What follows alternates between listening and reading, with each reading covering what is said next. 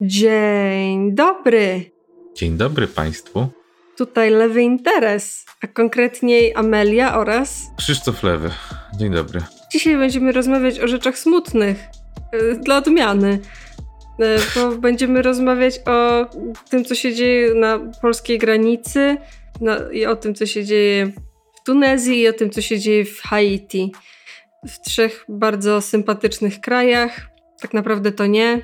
E, wiecie, co się dzieje na polskiej granicy. Ale czy wiecie na pewno? Tego nie jestem pewna, bo na przykład jak teraz oglądałam e, TVN24, zdarzyło mi się to oglądanie TVN24 przez jakieś 20 minut, no to już TVN24 zaprosiło e, wiceministra który, pisowskiego, który siał dezinformację, że to są Irakijczycy, na granicy. Nawet mnie to zmyliło się. Zaczęłam zastanawiać, czy na pewno to są Afgańczycy i zaczęłam to googlać, czy czy, czy rzeczywiście, no ale to są Afgańczycy, to są stuprocentowo Afgańczycy. Też, też przecież było to, co mówili, że oni są tak naprawdę na granicy białoruskiej, a potem ktoś pokazał, że polscy żołnierze chodzą po ich obozowisku, co by oznaczało, że polscy żołnierze bez, bezprawnie wtargnęli na terytorium Białorusi i to też się robi trochę... Tak, i wpuszczają, i jeszcze wpuszczają rolników, którzy tam sobie koszą trawę, czy co tam jeszcze, bo jest święte prawo własności. Ale to na Białorusi jest jakimś, jakimś sposobem, chociaż tam pol, polscy rolnicy i polscy żołnierze chodzą. Też y, poseł y, Maciej Konieczny mówił, że go wpuszczano, znaczy informowano go, że przekracza granicę nielegalnie, ale go przepuszczali. A potem zdali sobie sprawę, że nie muszą tego robić, bo mogą powiedzieć, że y, to jest nielegalne i zapobiegać temu. W związku z czym następnych ludzi już nie przepuszczali. E, no dobra, skąd właściwie wiemy, kim, są ci ludzie? E, wiemy, kim są ci ludzie, ponieważ stoją tam e, ludzie z Fundacji Ocalenie i stoją tam już wiele dni i fotografują cały czas tych ludzi. I wiadomo, że oni się nie zmieniają, nie ma żadnej rotacji, o której mówią pisowcy, nie ma żadnej rotacji, że jest jakieś, gdzieś tam za tym laskiem jest wielkie obozowi drugie obozowisko i w tym obozowisku są po prostu zmiennicy bo, bo takie, takie legendy się słyszy. I, I wiadomo, że są tym, kim są, ponieważ po pierwsze ludzie się z nimi porozumiewają. Jest tłumaczka, która jest tadżyczką. Ona zna język e, Dari, który jest językiem, to jest afgańska odmiana języka perskiego. I porozumiewa się w tym języku z osobami z obozowiska. Więc y, skąd, skąd Irakijczycy mieliby znać afgańską odmianę perskiego? To jest ciekawe. Chciałem tylko powiedzieć, że powiedziałeś, że nie ma rotacji, ale jest pewna zmiana w, w jakby liczbie ludzi, którzy tam są, dlatego że wczoraj jeden z nich zmarł, e, więc tyle się zmieniło, nie? Bo zatru... To rzeczywiście rotacja. No, zatruli się grzybami, dlatego że y, już od wielu dni mówili, że nie mają tak, nic do jedzenia. Tak, ale to nie, to nie stamtąd. To, to nie stamtąd. Nie? To gdzie?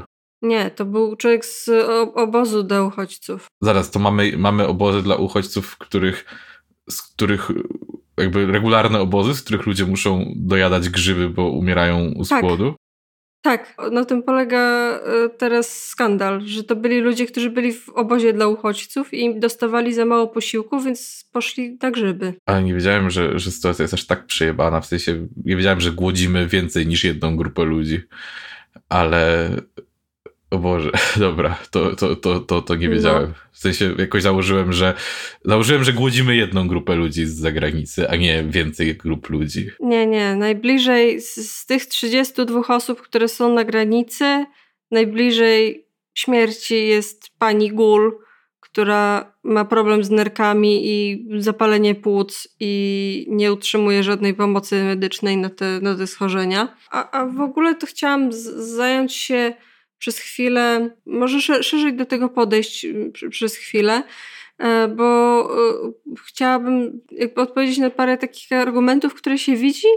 E, I najczęściej Polacy, Polacy mówią, że teraz się słyszy coś takiego, że jakim cudem y, Afgańczycy znaleźli się na naszej granicy już tak szybko po e, obaleniu rządów w Kabulu, ale ludzie jakby nie, nie zdają sobie sprawy chyba, że to jest, że to był konflikt, który się toczył od wielu miesięcy i że kolejne prowincje były zajmowane przez talibów przez ostatni rok tak naprawdę.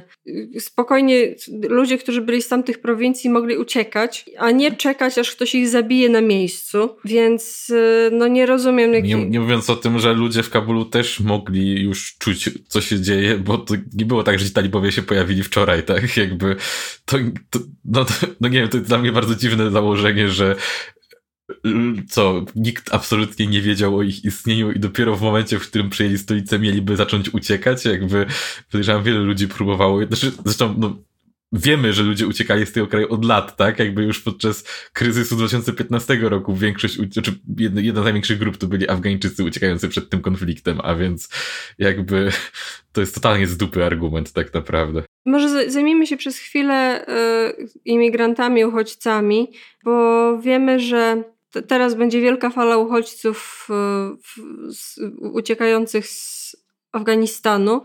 Są generalnie trzy, trzy drogi, którymi, którymi wychodzą uchodźcy z Afganistanu. I to jest też to, którą drogą idziesz, zależy od Twojego statusu majątkowego. Jak dużo rzeczy jesteś w stanie sprzedać, i jak szybko jesteś w stanie sprzedać, żeby się przedostać do, do tego miejsca, w którym chcesz być. Bo teraz jest jeszcze taki problem, że często ludzie, którzy uciekają, po prostu jest, jest taki zator, jest zator w tym, kto jak szybko może sprzedać swoje mienie. Czyli wszyscy sprzedają samochody, nikt nie kupuje samochodów. Czyli nikt nie sprzedaje samochodów, bo nikt nie ma popytu. Nie masz co zrobić ze swoim mieniem, nie masz skąd wziąć pieniędzy, nie masz skąd wziąć y, oszczędności, żeby wyjechać, a to jest kilka, kilkanaście tysięcy y, dolarów. Stąd biorą się te trzy szlaki. Y, pierwszy szlak to jest szlak dla tych, powiedzmy, biedniejszych ludzi, i to jest szlak południowy, czyli szlak do Pakistanu, do Indii, mm, do tych krajów zaraz ościennych. Natomiast jest też drugi, drugi szlak, który wiedzie bardziej na północ i on wiedzie bardziej, jest bardziej dla tych ludzi, którzy chcą uciekać do Europy. To mi tylko, tylko wtrącę, to mi przypomniało, e, jak pamiętam, jak było właśnie w 2015 roku, jak było, wiadomo, duży media coverage tych e, właśnie, powiedzmy teraz uchodźczych i tak dalej, gdzie pokazywali e, chyba w TVP jakąś, jakąś panią, która e, uciekała właśnie i była już w pociągu w Europie i mówiła, że e, chce się dostać, że bardzo jej zależy, żeby się dostać do Niemiec. I pamiętam, że potem było duże oburzenie, że dlaczego ona wybrzydza, przecież uciekła, to czemu teraz sobie wybiera? I zawsze mi tak jakoś Rozumiem, że łatwo popaść w takie myślenie, że o, powinni się cieszyć, że w ogóle uciekli, ale jakby jeżeli ci ludzie liczą na to, że zaczną nowe życie gdzieś, no to chyba nie jest to aż tak absurdalne, że ktoś sobie myśli, hmm, chciałbym znaleźć się gdzieś, gdzie mojej rodzinie będzie jak najlepiej. Słyszałem, że tam jest jak najlepiej. Jeżeli mogę tam uciec, to ucieknę właśnie tam. Jakby zawsze mnie to tak zastanawia, że ludzie zakładają, że ci ludzie nie, powinni nie dążyć do optymalnej dla siebie sytuacji, jeżeli mają ku temu okazję. Yy, to jest takie. Albo po prostu ci ludzie sądzą, że tamci ludzie nie powinni mieć takiej okazji. Znaczy tak, no wiadomo, ludzie, ale właśnie, że, że zawsze to jest takie. To jest jakaś taka forma de dehumanizacji tych osób, że jakby oczekujesz, że nie będą zachowywać się jak ludzie, którzy chcą móc właśnie znaleźć się w komfortowej sytuacji, tylko że po prostu przejdą z miejsca w miejsce i mają być wdzięczni, że mogli, nie? To jest takie. Tak, tylko że A... komplikacja jest taka, że prawo tak działa, że możesz uciec przez jedną granicę. Jak powiedzmy w kraju A ktoś cię prześladuje, no to możesz uciec do kraju B, ale już z kraju B do kraju C nie masz prawa. Mm. Zgodnie z prawem. Po prostu nie uważa się, że o ile powiedzmy, o ile w tym kraju B nie ma takich samych prześladowań, powiedzmy, że jesteś szyitą, który ucieka do drugiego kraju, w którym też się prześladuje szyitów, no to możesz uciec do takiego kraju, w którym nie prześladują szyitów, ale jeśli w tym, tym kraju, do którego uciekłeś, już można udowodnić, że nie ma prześladowania szyitów, no to właściwie musisz tam zostać. A przynajmniej musisz tam zostać. Może to może być kraj taki jak Turcja, w którym na przykład nie masz prawa do wykonywania pracy, musisz tylko siedzieć w obozie, nie? Tak. ale teoretycznie jesteś właśnie w super sytuacji i masz tam siedzieć. Mimo, że możesz być na totalnie głodowych racjach żywnościowych i masz zero jakiejkolwiek sprawczości nad swoim życiem. Właściwie siedzisz w więzieniu tak naprawdę. Y, wracając do tych szlaków, którymi uchodźcy z Afganistanu chodzą po, po świecie, no to jest ten szlak południowy, o którym wspomniałam.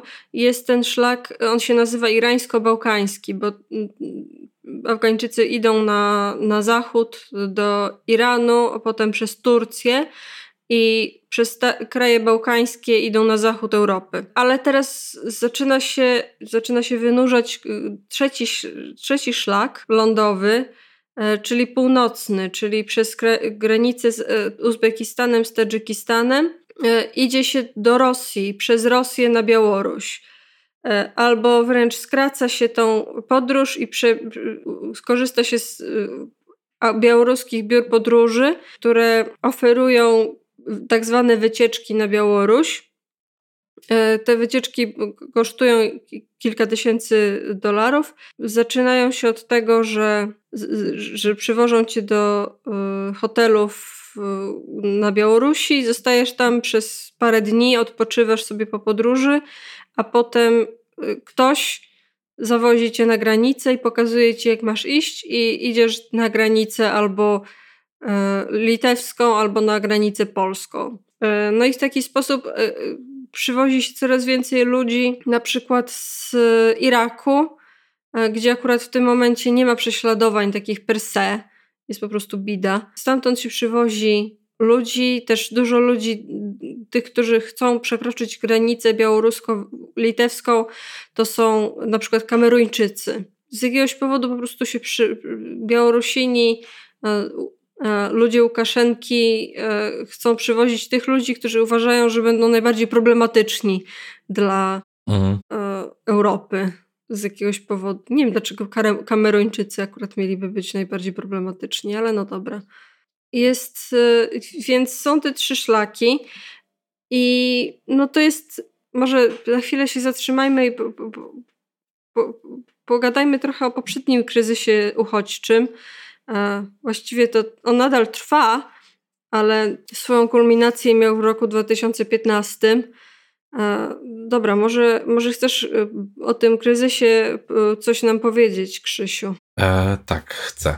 Ogólnie e, sam, właśnie tak jak, jak powiedziałaś, to było coś, co trwało i, i trwa dalej, ale ten 2015 to był taki totalny pik, e, kiedy w ciągu tego jednego roku więcej osób dostało się do Unii Europejskiej niż przez te wszystkie poprzednie lata trwania tego kryzysu.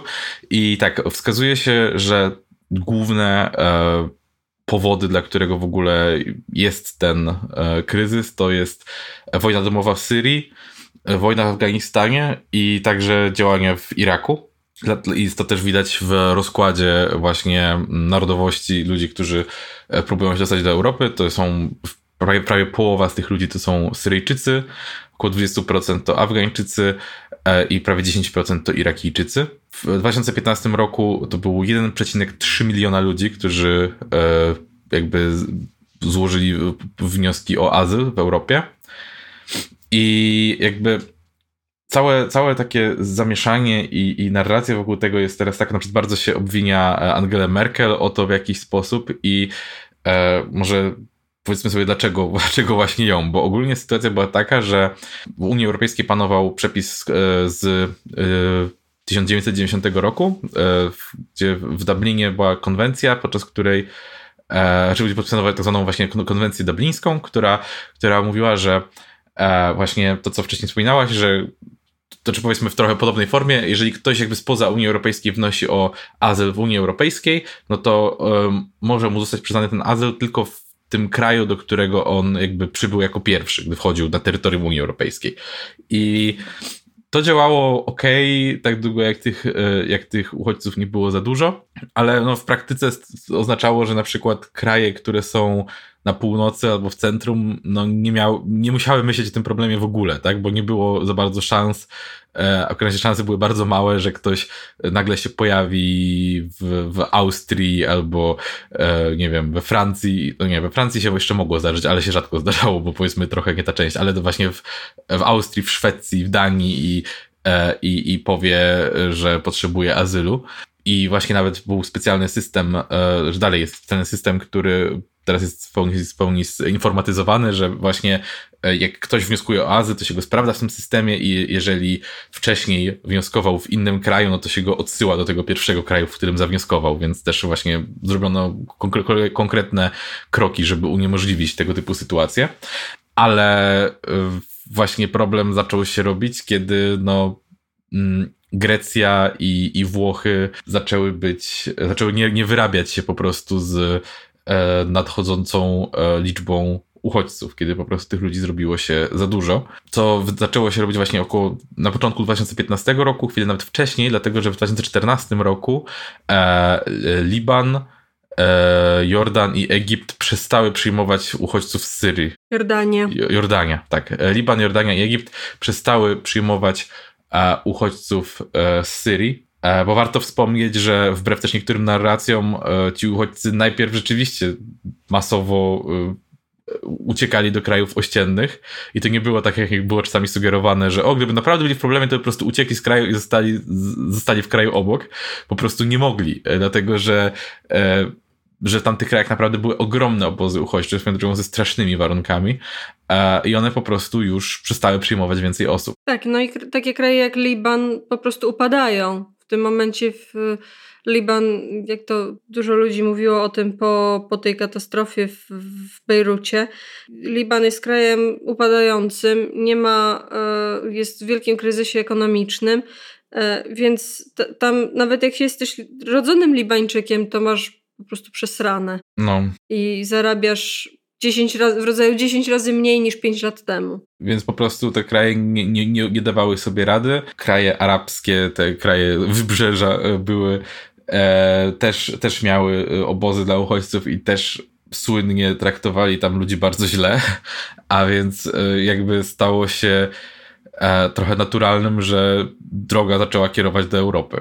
I gdy, gdy Grecja zaczęła być przytłoczona i e, zawnioskowała właśnie do reszty Unii Europejskiej, żeby, żeby coś z tym zrobić, e, ONZ e, oświadczyło, że, że Grecji grozi katastrofa humanitarna związana właśnie z napływem tych uchodźców i wtedy, wtedy właśnie mm, Angela Merkel wydała takie oświadczenie i padło to zdanie, za które ludzie potem ją bardzo krytykowali, że ci, którzy potrzebują pomocy, muszą uzyskać azyl w Europie i to było takim trochę e, call to action, w wyniku którego, w wyniku którego właśnie zaczęto podejmować kolejne kroki.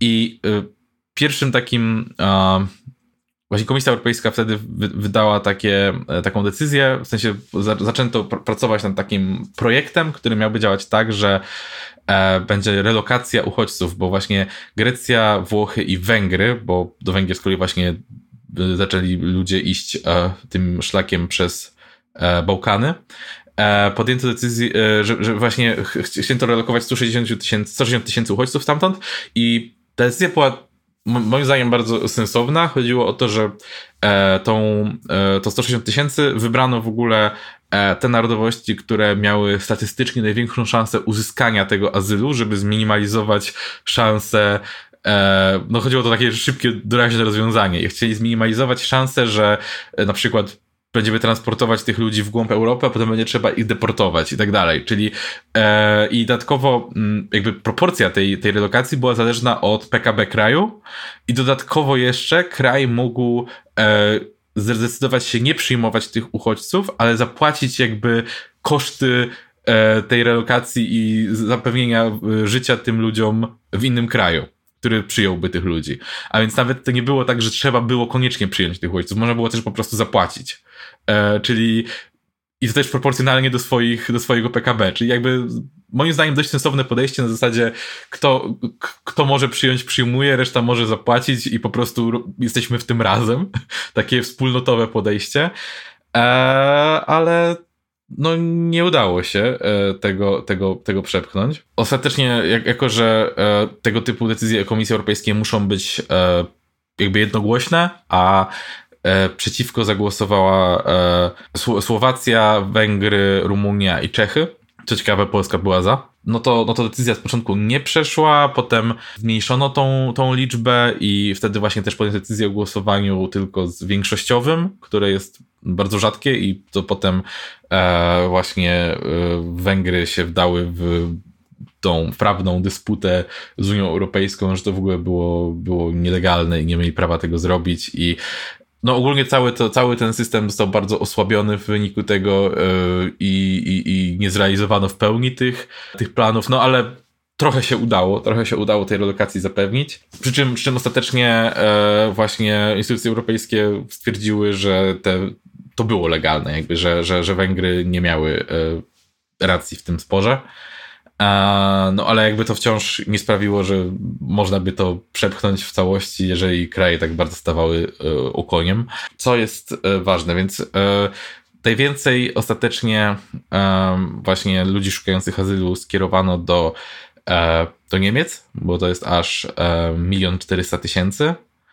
A następnie w kolejności była Francja, Włochy między, między 200 a 300 tysięcy i Szwecja, która przyjęła ponad 200 tysięcy ludzi, co jest właśnie niby nie tak dużo w stosunku do Niemiec, ale to była największa liczba per capita, bo no, Szwecja ma bardzo niedużą populację, a przyjesz aż, aż 200 tysięcy osób. Austria 100 tysięcy, Wielka Brytania niecałe 100 tysięcy, Belgia aż 70 tysięcy, mimo bycia małym krajem.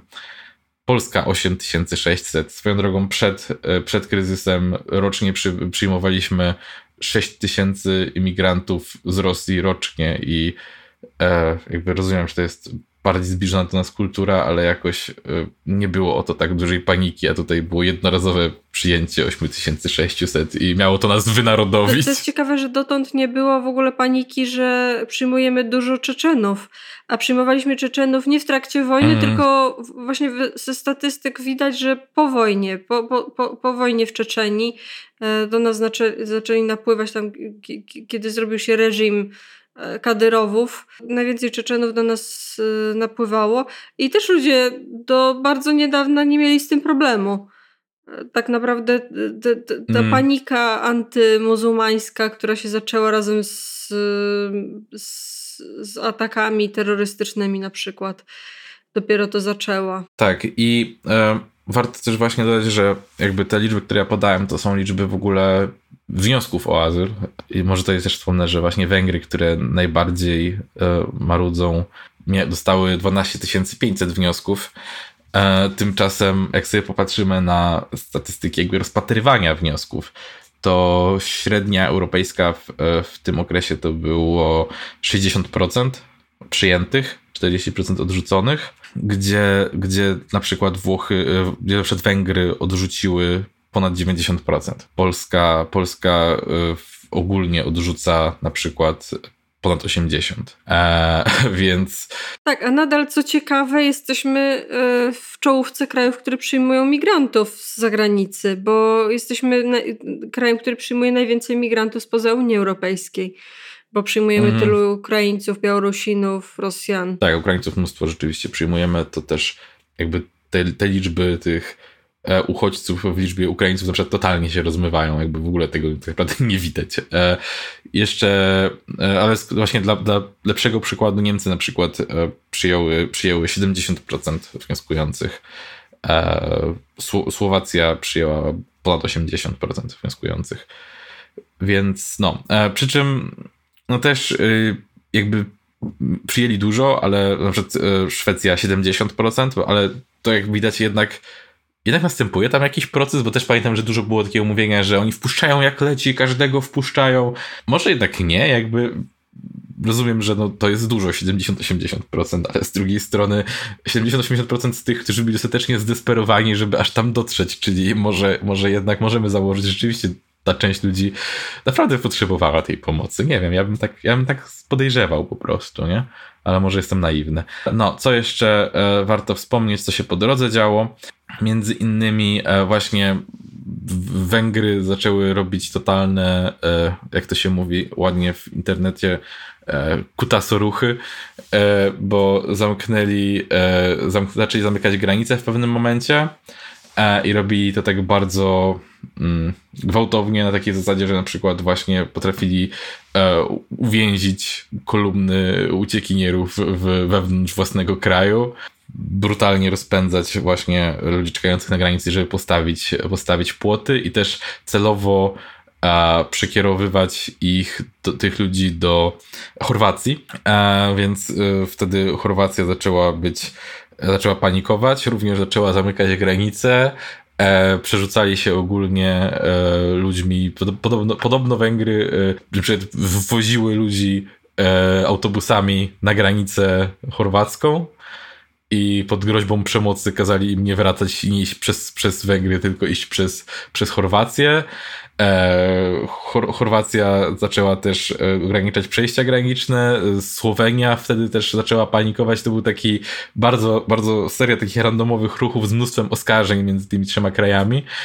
Też podejmowano jakieś takie próby ograniczenia, że Słowenia w pewnym momencie powiedziała, że tylko 2500 ludzi dziennie może wkroczyć i jakby, żeby przejść, co Oczywiście skończyło się tym, że natychmiastowo dziesiątki tysięcy ludzi na granicy się ze musiało zebrać, no bo po prostu był, było więcej ludzi przychodziło niż mogło wyjść.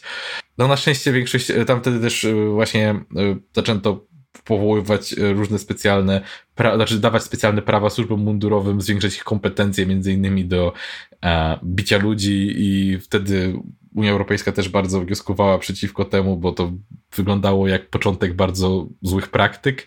Na szczęście większość rzeczy od tego czasu trochę z powrotem złagodniało e, w, tych, w tym rejonie. Jakby to nie jest coś, co może na stałe e, doszczętnie rozjebało wszystko, ale no, było, było, był to strasznie chaotyczny czas i i też większość, jak, jak się widzi nagrania z tamtego czasu, przedstawiające właśnie wściekłe tłumy, co szarżują na granice Europy, bo było takie, dużo takich nagrań, to, to są właśnie z tego momentu, kiedy to byli bardzo często ludzie, którzy zostali już przeszli tysiące kilometrów, zostali wyrzuceni z kraju, przed wywiezieni z powrotem za granicę, kazano im iść w inną stronę, tylko potem natknęli się na płot na przykład, nie? Też moim zdaniem warto o tym pamiętać po prostu. Albo na przykład zatrzymano ich na granicy i, i trzymano ich tam tygodniami, mówiąc, że może wejść tylko tyle a tyle osób, mimo że było, były, były środki, żeby mogli podróżować dalej. I teraz y, pytanie, co się wydarzy z ludźmi, którzy teraz są, w, e, którzy uciekają z Afganistanu i w ogóle z ludźmi, którzy nadal są w obozach uchodźców, tych, tych syryjskich czy libańskich, e, libańskich uchodźców. Są głosy, że da się to da się to, ten problem rozwiązać z głową. I rozwiązanie tego problemu z głową polega na tym, żeby przede wszystkim Europa przyjęła ludzi, którzy są teraz w, obozach uchodźców tych krajów ościennych, tych, które są najbardziej przeładowane. E, mhm. Więc za tym się najbardziej, naj, o tym się najbardziej mówi.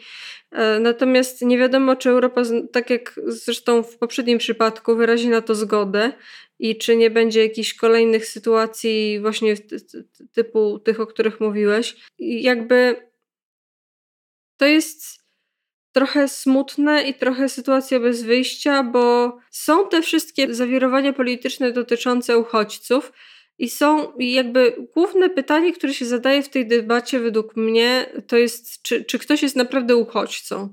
Czy ktoś naprawdę zasługuje na to, żeby żyć w Europie?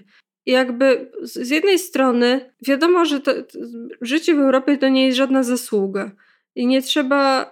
My się urodziliśmy w Europie, ni, niczym sobie na to nie zasłużyliśmy, żadnym cierpieniem. Moralnie, moim zdaniem, to nie trzyma się w ogóle kupy, żeby kogoś rozliczać, że on nie ma prawa mieszkać w Europie, bo nie wycierpiał wystarczająco dużo, albo tylko mu chodzi o to, żeby zarabiać pieniądze, które pozwalają mu na wyżywienie swoich dzieci, bo to jest bardzo. A tutaj chciałem jeszcze tylko wspomnieć, bo była, były częste argumenty, że, y, bo rzeczywiście prawdą jest, że większość ludzi y, idących to są mężczyźni.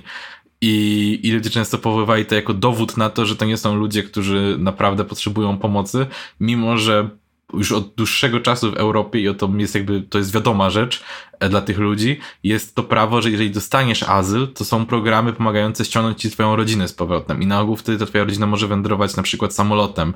I fakt, że to są mężczyźni, którzy bardzo często mają żony, dzieci i tak dalej, e, świadczy po prostu o tym, że oni mm, przyjmują na siebie ten trud podróży, żeby potem ich rodzina mogła podróżować łatwiej tak naprawdę, więc to też warto właśnie jest, moim zdaniem, wspomnieć, bo to jest taki częsty argument, nie? że o, to są sami faceci. Tak, bo to jest mega ciężka podróż, której, którą, którą warto byłoby oszczędzić jak najwięcej części swojej rodziny, że jeżeli ona potem ma szansę przylecieć do ciebie samolotem, po prostu. Tak, w ogóle to mnie bawi a propos tych mężczyzn, że zazwyczaj prawicowcy są tymi właśnie facetami, którzy e, są bardzo pro prawa mężczyzn, nie? Prawa, pie, piekło mężczyzn, kobiety mają za mhm. dużo, za, za dużo praw, a, a jak tylko mężczyźni się domagają swojego prawa do, do mieszkania w Europie, to już wtedy nie, to już wtedy nie jesteśmy za prawami mężczyzn, wtedy mizandria. E, się zaczyna. Wtedy oni powinni byli zostać w kraju i umierać, tak? Bo to też były takie argumenty, że jeżeli mają wojnę, to powinni mieli obowiązek zostać i walczyć na śmierć i, i tyle. Wow, no. No więc tak jak mówiłam, z jednej strony jakby nie chcę nikogo rozliczać z tego, że zasługuje na to, żeby mieszkać w Europie i na razie jest, na razie jest dużo wolnego miejsca w Europie. Na razie jest, nie, nie mamy kryzysu przeludnienia w Europie. E, jest bardzo duża luka na rynku pracy, na przykład zachodnim, e, a zachodnie, zachodnia Europa i w ogóle Unia Europejska nie ma programu imigracji legalnej, takiej po prostu imigracji zarobkowej.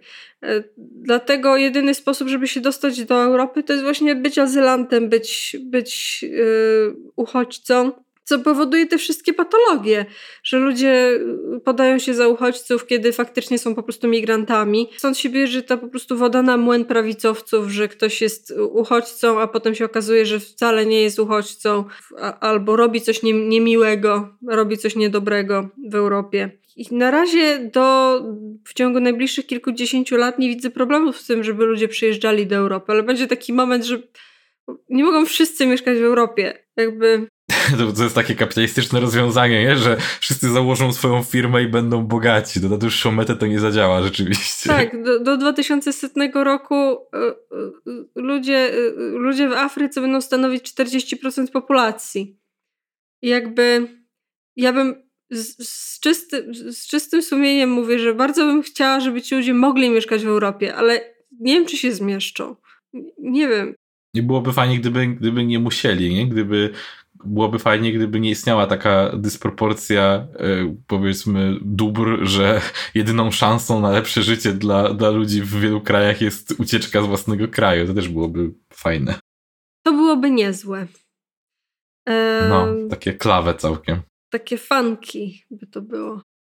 Jeszcze zapomniałam o tym wspomnieć w czasie nagrania, ale tylko chciałam dopowiedzieć, że to, ta sytuacja owocuje nie tylko patologiami po stronie migrantów czy uchodźców, ale też po stronie krajów, które ich przyjmują. Na przykład teraz y, niedawno Dania przegłosowała prawo, które stanowi o tym, że uchodźcy, którzy dotrą do Danii, będą transportowani, będą outsourcowani do obozów w Afryce i na Bliskim Wschodzie. E, czyli tak naprawdę będziesz zapierniczał do Danii, bo nie możesz pójść od razu do tego obozu w Afryce. Musisz pójść do Danii, a potem musisz z tej Danii być przetransportowanym do obozu, gdzie będziesz oczekiwał na rozpatrzenie swojego wniosku. To ma y, sprawić, że po Danii będzie się pamiętać mniej ludzi, którzy są kandydatami na azylantów. Oczywiście grupy praw człowieka e, zwracają uwagę na to, że w takich obozach nie będzie odpowiedniego poziomu opieki, nie będzie odpowiedniego poziomu e, edukacji, dostępu do usług, dostępu do e, usług medycznych i usług prawnych. Natomiast Dania się tym nie przejmuje i takie kraje jak Szwecja obecnie planują albo przynajmniej zastanawiają się nad tym, żeby skopiować te rozwiązania u siebie. Więc to będzie patologia, która będzie się powtarzać w wielu innych krajach.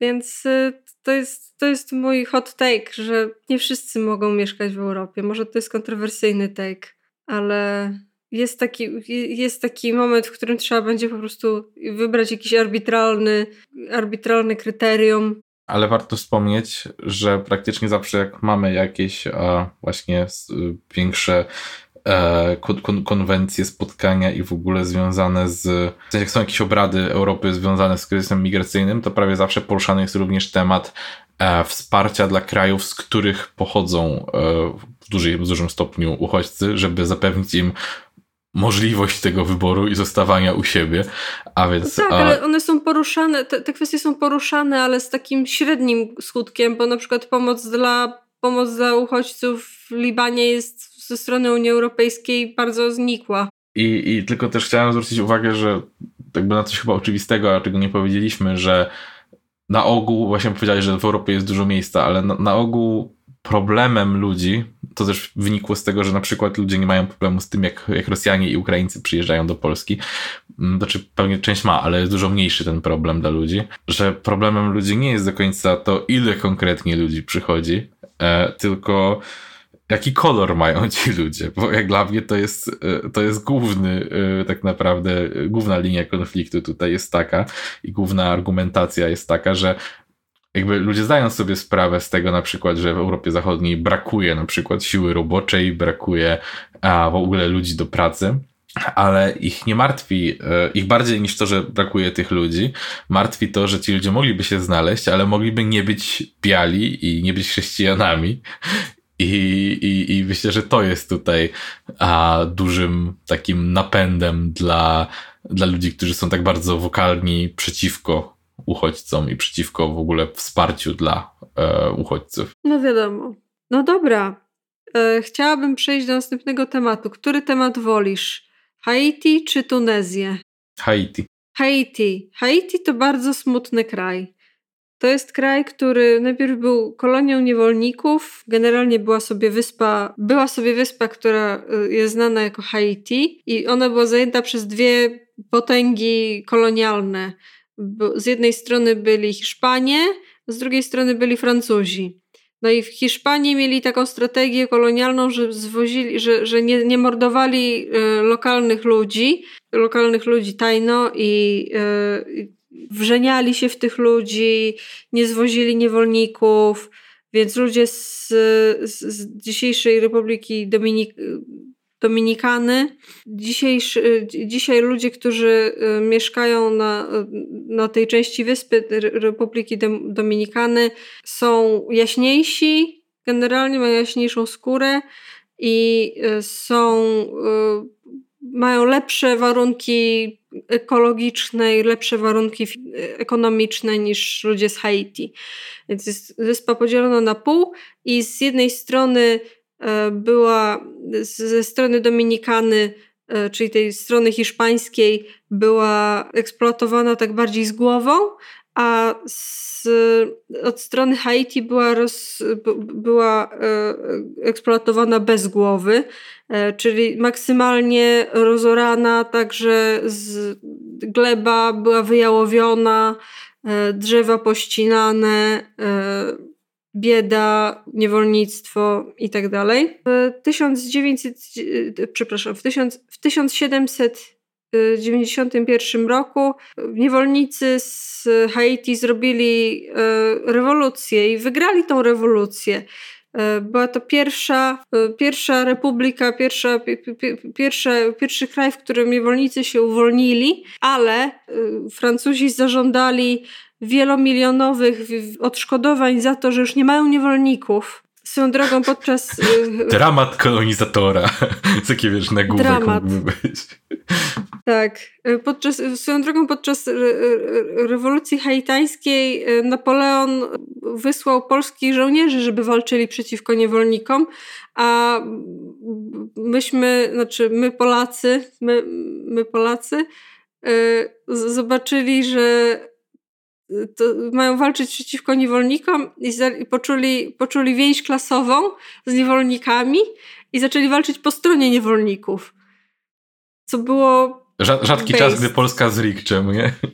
Zbazowane tak. i oparte. Zbazowani i oparci. I do dzisiaj e, w, w, jest, jest mniejszość polska, polskiego pochodzenia w, na Haiti i, do, i ci ludzie dostali później jakiś tam ląd do, do uprawiania i jakieś tam przywileje od, od przywódców haitańskich, e, więc baza.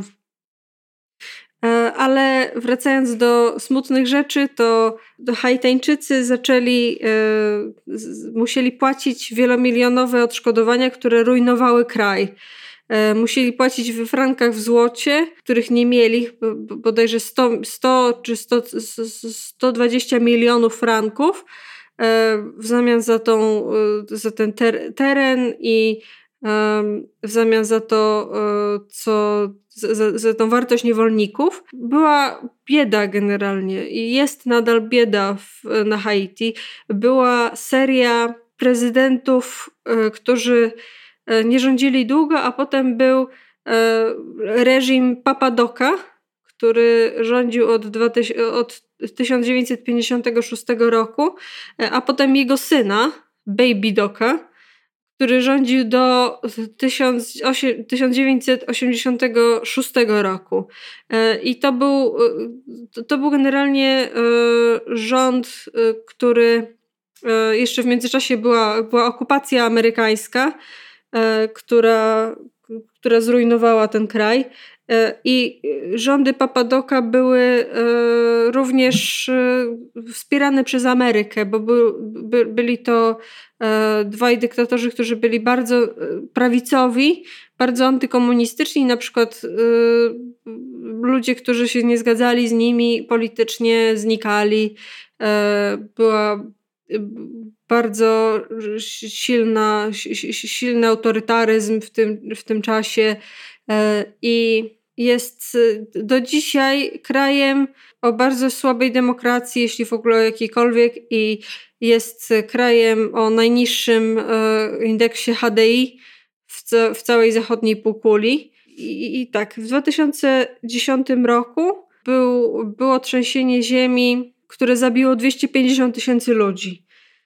Makabrycznie katastrofalne dla całego kraju, i przez ostatnie 10 lat było bardzo dużo pomocy dla, no, tak zwanej pomocy dla kraju, która z jednej strony pozwalała się krajowi odbudować, ale z drugiej strony powodowała to, że nie wykształcały się jakieś takie zdrowe struktury państwowe, bo wszystko było po prostu łatane pomocą międzynarodową i łatane pomocą yy, na, na przykład Amerykanów i, i organizacji międzynarodowych.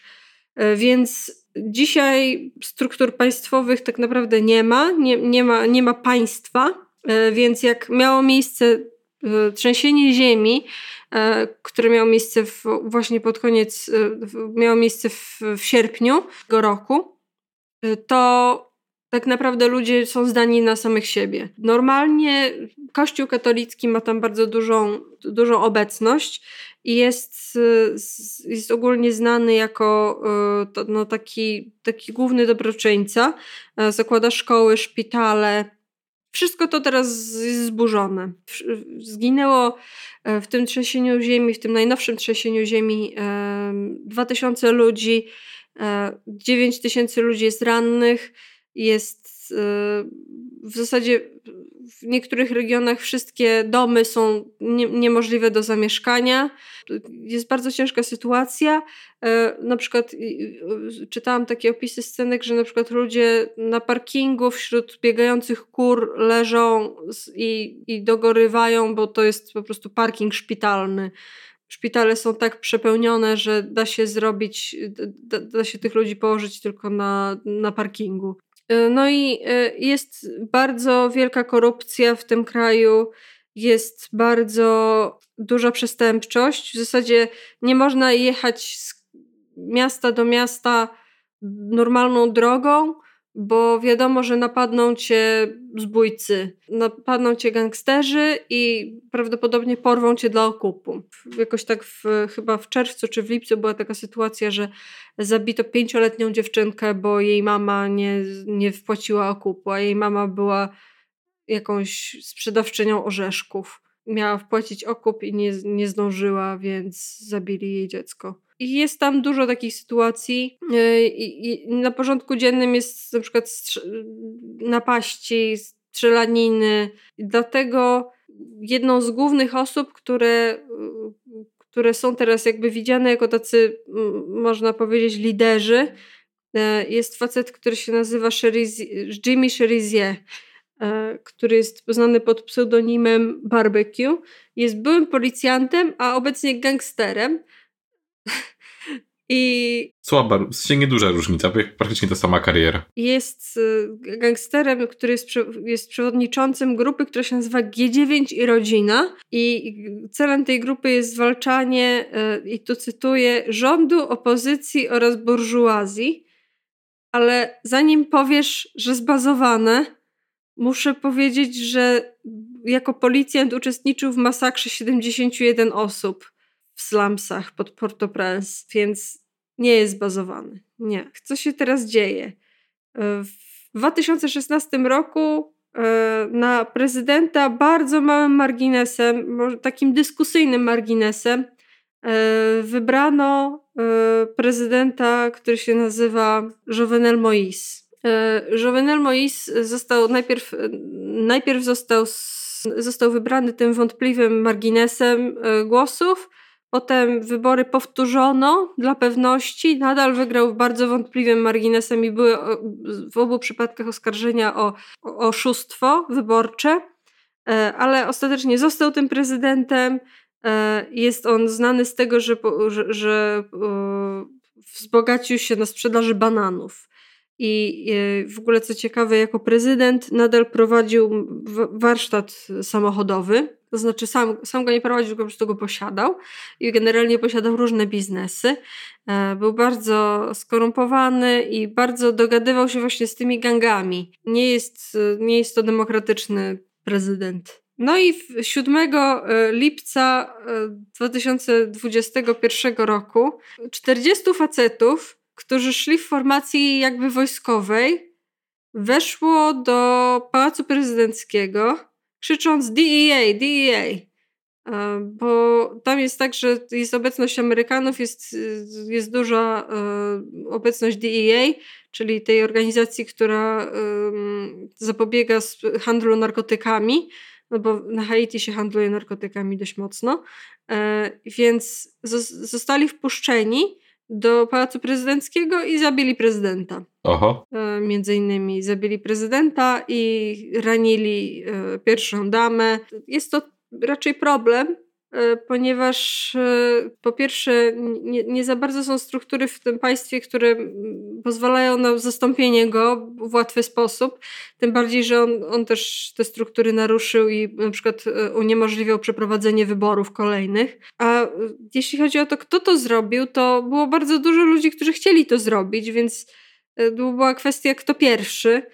Ale ostatecznie pierwszy był lekarz z Florydy, który uważał siebie za godnego zastępcę i chciał zostać prezydentem e, Haiti, dlatego zorganizował zamach z użyciem e, kolumbijskich byłych żołnierzy, którym powiedziano, że będą uczestniczyć w, w konwoju, który tam kogoś chroni.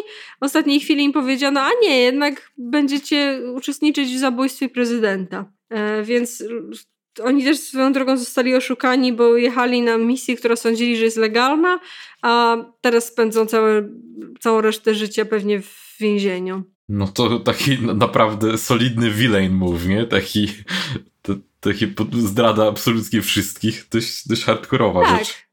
I od razu poszedł siedzieć ten lekarz. W sensie od razu go znaleźli. A on był Amerykaninem po prostu? E, on jest Haitańczykiem, pochod... Mhm. znaczy Amerykaninem pochodzenia haitańskiego. Chciał być prezydentem Haiti i teraz będzie siedział resztę życia, tak jak, tak jak ci koledzy jego. E, no więc to się dzieje na Haiti. E, dziękuję bardzo. To jest, to jest newsy z Haiti. Obecnie była, była krótka walka między kolejnymi pełniącymi obowiązki prezydenta, ale w końcu jakoś tam się dogadali. Teraz facet, który się nazywa Ariel Henry e, jest pełniącym obowiązki prezydenta do kolejnych wyborów. Albo zamachu. Albo zamachu. Dobra, teraz e, krótko, bardzo krótko, e, newsy z Tunezji. Więc zacznijmy od tego, że Tunezja jest jednym z, z niewielu krajów, jeśli nie jedynym krajem, który nie stoczył się ani w wojnę domową, ani w dyktaturę zaraz po arabskiej wiośnie z 2011 roku. Wszyscy uważali, że jak fajnie, Tunezja taka demokratyczna, taka super, e, a, a brało się to z tego, że ludzie, którzy generalnie w, we wszystkich tych krajach arabskich, jak byli dyktatorzy, akurat w Tunezji był Ben Ali, e, jak byli, byli ci dyktatorzy, to oni zwalczali bractwo muzułmańskie w tych krajach. I w każdym z tych krajów bractwo muzułmańskie uciekało, znaczy członkowie bractwa uciekali do innych krajów. W Egipcie uciekali do przykład Arabii Saudyjskiej, Emiratów Arabskich. E, I dlatego bractwo muzułmańskie w e, Egipcie jest takie radykalne i salafickie i po prostu bardzo konserwatywne. Natomiast e, Tunezyjczycy uciekali przed Benalim do Europy.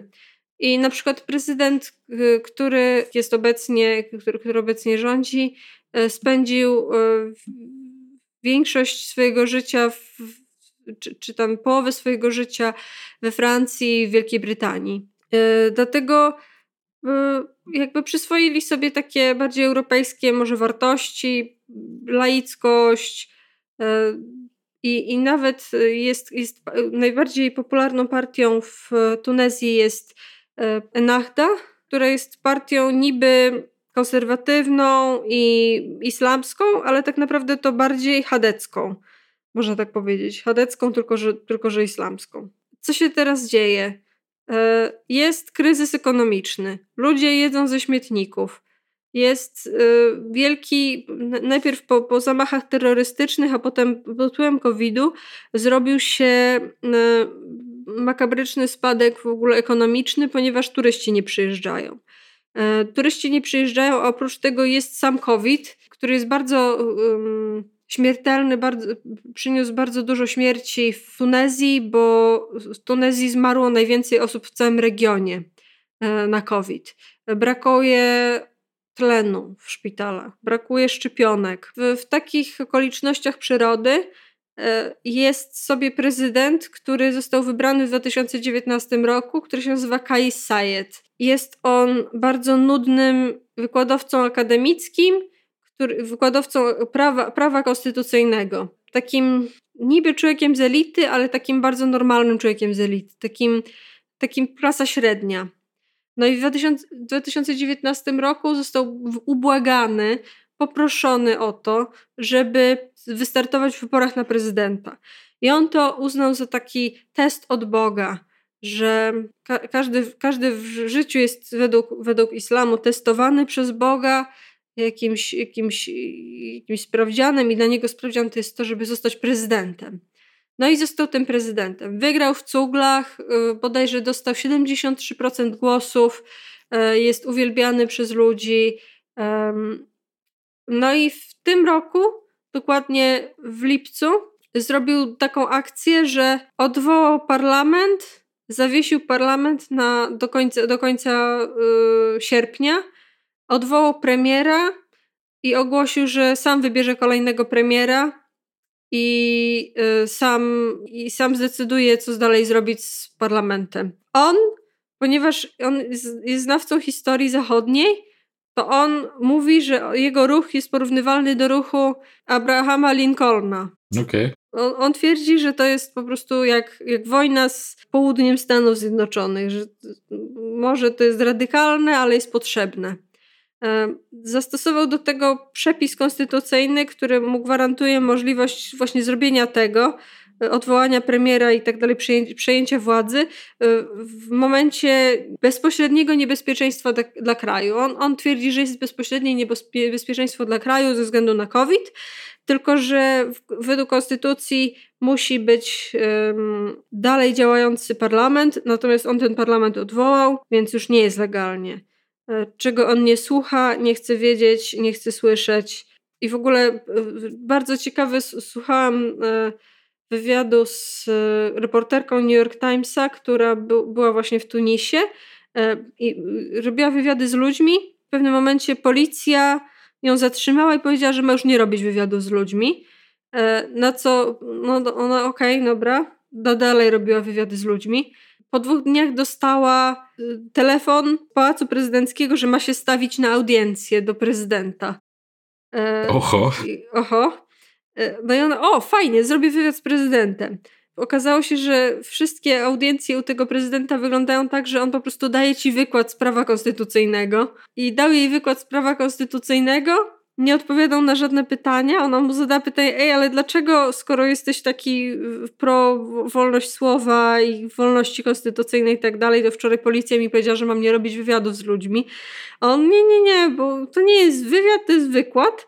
E, proszę siedzieć cicho. No i w ciągu ostatnich e, kilku tygodni aresztował opozycjonistów, e, kilku opozycjonistów, odwołał sędziów Sądu Najwyższego, więc raczej się szykuje, że nie będzie to jakiś super demokratyczny prezydent, ale co, co bardzo ciekawe, ludzie są bardzo za nim. Oni mówią, że e, jak się rozmawia z, z ludźmi w, w Tunezji, to mówią: My nie chcemy dyktatora, ale też nie chcemy takiej totalnie skorumpowanej demokracji, takiej uwiędłej demokracji, która nic nie jest w stanie osiągnąć, nic nie jest w stanie przegłosować, bo w, w Tunezji w parlamencie na porządku dziennym było mordobicie na, na sali plenarnej i, i, i ludzie generalnie wylegli w, na ulicy w takim poparciu dla niego, bardzo wielkim poparciu. I jest generalnie widziany na razie bardzo pozytywnie. Wszystko, co robi, jest widziane pozytywnie. Zobaczymy, jak to dalej pójdzie. E, mam nadzieję, że, że ten prezydent bardziej pamięta, jak się skończyła wojna, wojna w Stanach Zjednoczonych i że pamięta, na czym polega mniej więcej demokracja. E, no zobaczymy. E, I no, mam nadzieję, że nie zawiedzie tych ludzi, którzy w niego bardzo wierzą teraz. Dobra, to dziękujemy bardzo dziękujemy. za ten odcinek. I dziękujemy naszym patronom. MF, Łukasz Maciejewski, Tomasz Dubiel, kolega Tomka Popa, Jean, Michał Kolacha, Sylwia i Konrad, Piotr Sowiński, Adusia i Adaś, Super Kokos. Dziękujemy. I słyszymy, się, słyszymy się niebawem. Pa!